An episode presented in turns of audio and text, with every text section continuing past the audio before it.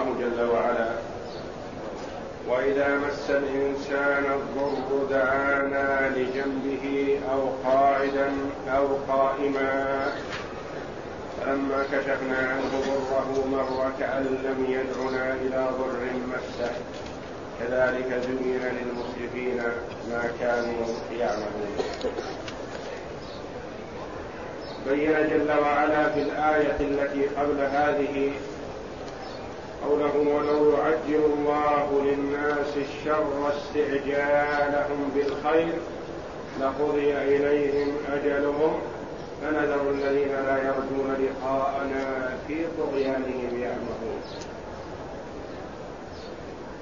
فالمراد بالإنسان هنا في هذه الآية وإذا مس الإنسان الضر على ما ذهب إليه جمع من المفسرين أن المراد بالإنسان الكافر لأنه هو المتصف بهذه الصفات. ويرجح هذا الآية التي قبل هذه وعلاقة هذه بتلك حيث أن الآية الأولى في أن الناس وأن الكافر خاصة يكثر الدعاء على نفسه بالشر. فلا يعجل الله له دعوته ولو عجل إليه دعوته وطلبه لنفسه الشر. لانتهى أمره ومات وقضى أجله. وبين جل وعلا في هذه الآية أن ذلك الإنسان الذي يدعو على نفسه بالشر أحيانا إما للتعجيز أو للإنكار أو من أجل الغضب الشديد أو الجهل أنه إذا أصابه الضر لا تحمل له ولا صبر. فقال جل وعلا وإذا مس الإنسان الضر والمراد بالضر هو المصائب الأوجاع الآلام. الخسارات. دعانا يعني تضرع إلى الله جل وعلا وألح في الدعاء إلى الله. واعترف في تلك الحال بأن له رب يكشف عنه السوء. اعترف بربه من أجل كشف السوء. دعانا لجنبه أو قاعدا أو قائما. دعانا على جميع أحواله في جميع حالاته. لجنبه أي مضطجعا. أو قاعدا أو قائما. واللام في قوله جل وعلا لجنبه بمعنى على يعني على جنبه. أي دعانا حالة كونه مضطجعا أو قاعدا أو قائما. وهذه الثلاثة أحوال. لجنبه بمعنى مضطجعا وهي حال من أين؟ من فاعل دعانا. دعانا فيها فاعل مستتر. يعود الضمير يعود إلى الإنسان. والنون إلى الله جل وعلا. دعا الله. دعانا مضطجعا أو قاعدا أو قائما. وبين جل وعلا هذه الأحوال وبدأها في حالة الحاجة الشديدة وهي كون الإنسان لجنبه مضطجعا لا يستطيع الحركة. ثم تدرج إلى ما هو أحسن منها حالا وهو القاعد الذي لا يستطيع القيام ثم إلى القائم في أن هذا الإنسان يدعو الله في جميع أحواله ويلح بالدعاء ويعلم يعترف في هذه الحال بأن له رب يكشف السوء. يقول الله جل وعلا فلما كشفنا عنه ضره لأن الله جل وعلا يستجيب دعاء من دعا حتى من الكافر. يستجيب دعاء من دعا حتى الكافر. إذا ألح على ربه جل وعلا بالدعاء استجاب الله له فلما كشفنا عنه ضرة كشفنا بمعنى أزلنا عنه ما كان يدعو من أجله مر مضى واستمر على حالته السابقة.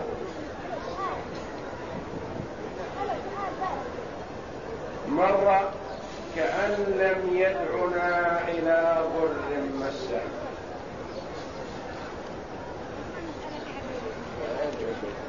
بعدين بعدين.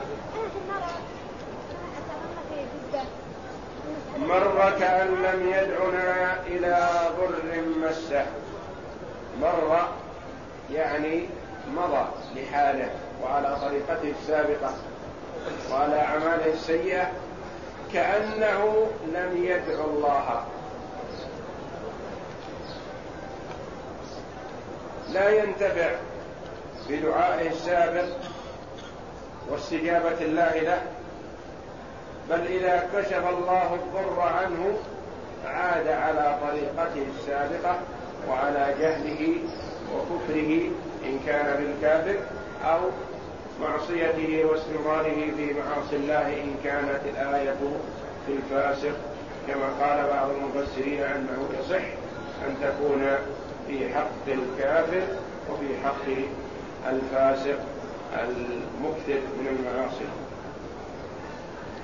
مر كأن لم يدعنا إلى ضر مسه. مر كأنه لم يدعو ولم يسأل الله. كذلك زين للمسرفين ما كانوا يعملون. كذلك. يعني مثل هذا الصنيع الذي صدر من هذا الإنسان تضرعه إلى ربه وإعراضه عنه عند استغنائه زين للمسرفين. والمسرف هو متجاوز الحد. والكافر يقال له مسرف لأنه تجاوز الحد في عبادة الله جل وعلا فعبد غيره. ومسرف في ماله لأنه صرفه في غير مرضاة الله. كذلك زين للمسرفين ما كانوا يعملون. من المزين لهم؟ قيل الله جل وعلا لأن كل شيء بيده. فهو جل وعلا يهدي من يشاء ويضل من يشاء. يهدي من يشاء. إحسانا ولطفا جل وعلا وتكرما ويضل من يشاء بعدله وحكمته. زين للمسرفين ما كانوا يعملون. وقيل المزين هو الشيطان بتسليط الله جل وعلا. له لأنه جل وعلا هو الذي يسلطه على من يشاء من عباده ممن حرمه التوفيق والهداية. زين للمسرفين ما كانوا يعملون. ما كانوا يعملون يعني الذي كانوا يعملون على أن ما موصولة أو مصدرية زين للمسرفين عملهم. وفي هذه الآية بيان لحال الإنسان الجزوع المنوع الذي إذا أصابه الضر تضرع إلى الله جل وعلا سأله وألح بالدعاء واستمر في كل وقت يدعو وعلى كل حال سواء كان مضطجعا أو قاعدا. أو قائما يتضرع إلى الله. فإذا من الله عليه وأعطاه ما سأل أعرض عن الله جل وعلا وأعرض عن طاعته. واستمر في معصيته وفيما كان يعمله من الأعمال السيئة كأنه لم يسأل الله قط. وكأن الله جل وعلا لم ينعم عليه بنعمة. وهذا تحذير من الله جل وعلا من عباده المؤمنين في أن لا يتصفوا بصفة من مقته الله وذمه والله أعلم. صلى الله وسلم على نبينا أعوذ بالله من الشيطان الرجيم. وإذا مس الإنسان الضر دعانا لجنبه أو قاعدا أو قائما فلما كشفنا عنه ضره مر كأن لم يدعنا إلى ضر مسه. كذلك زين للمشركين ما كانوا يعملون. قال العماد بن كثير رحمه الله تعالى يخبر تعالى عن الإنسان وضجره وقلقه إذا مسه الضر كقوله وإذا مسه الشر فذو دعاء عريض أي كثير وهما في معنى في معنى واحد. وذلك لأنه إذا أصابته شدة شدة قلق لها وجزع منها وأكثر الدعاء عند ذلك فدعا الله في كشفها ورفعها عنه في حال اتجاهه وقعوده وقيامه وفي جميع أحواله. فإذا فرج الله شدته وكشف كربته أعرض ونأى بجانبه. وذهب كأنه كأنه ما كان به من ذلك شيء. وهو كأن لم يدعنا إلى ضر مسه. ثم ذم تعالى من هذه صفته وطريقته فقال كذلك زين للمشركين ما كانوا يعملون.